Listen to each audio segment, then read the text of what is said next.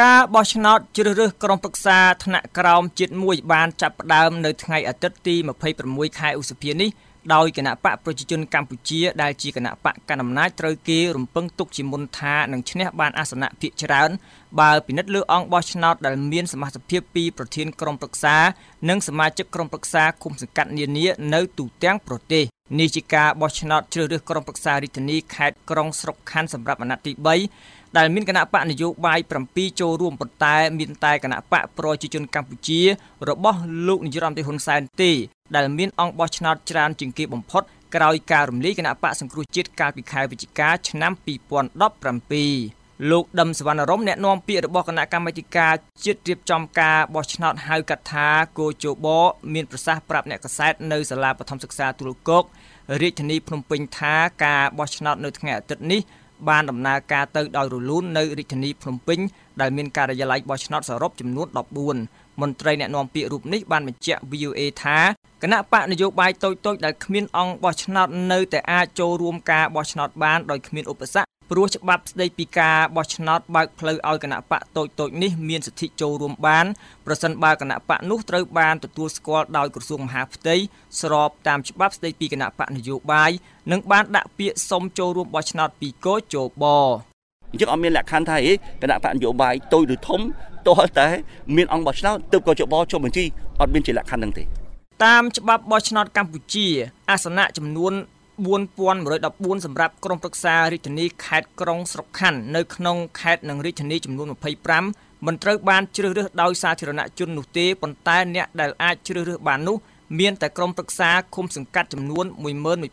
11572នាក់ដែលភាគច្រើនមកពីគណៈបកកណ្ដាលអំណាច ក្រុមប្រឹក្សាគុំសង្កាត់ជាច្រើនអ្នកត្រូវបានបោះឆ្នោតជ្រើសរើសដោយផ្ទាល់ពីសាធារណជនប៉ុន្តែកាលពីចុងឆ្នាំ2017រដ្ឋាភិបាលបានរំលាយគណៈបកសង្គ្រោះជាតិដែលជាគណៈបកប្រឆាំងគណៈបកប្រជាជនកម្ពុជាបានបែងចែកបំណែក45%នៃចំនួនក្រុមប្រឹក្សាឃុំសង្កាត់កាន់កាប់ដោយគណៈបកសង្គ្រោះជាតិ ទៅឲ្យគណៈបកតូចតូចជាច្រើនទៀតគណៈដែលបកកណ្ដាលអំណាចបានយកតំណែងជាមេឃុំចៅសង្កាត់ប្រមាណ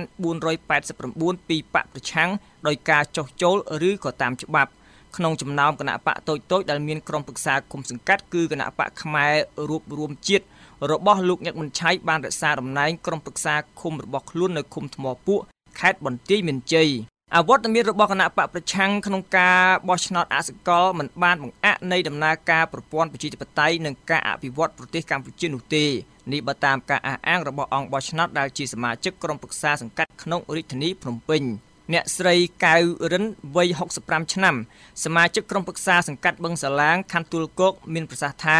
ដំណើរការបោះឆ្នោតតាមបែបប្រជាធិបតេយ្យនៅតែវិលទៅមុខដដែលទោះបីគ្មានគណៈបកប្រឆាំងចូលរួមក៏ដូចជាការអ ភិវឌ្ឍប្រទេសដូច្នោះដែរគឺការអភិវឌ្ឍនឹងបន្តទៅជាធម្មតាទោះមិនមានការចូលរួមពីក្រមមន្ត្រីរបស់គណៈបកប្រឆាំងការបោះឆ្នោតនឹងអត់មាននៅគណៈបកសង្គ្រោះជាតិក៏វាអាចដំណើរការទៅបានដោយសារនេះវាជាឆន្ទៈរបស់ប្រជាពលរដ្ឋហើយយើងមើលឃើញពីសកម្មភាពក្នុងការដំណើរការដើម្បីអភិវឌ្ឍប្រទេសអត់អត់ពួកគាត់ក៏ទៅប្រទេសនៅតែទៅមុខរហូតចា តាមសេចក្តីប្រកាសរបស់គោជបចេញផ្សាយនៅថ្ងៃអាទិត្យបានឲ្យដឹងថាដំណើរការបោះឆ្នោតនៅតាមការិយាល័យទូទាំងប្រទេសសរុប203បានប្រព្រឹត្តទៅដោយរលូនគ្មានការរាំងស្ទះនិងគ្មានអំពើហិង្សា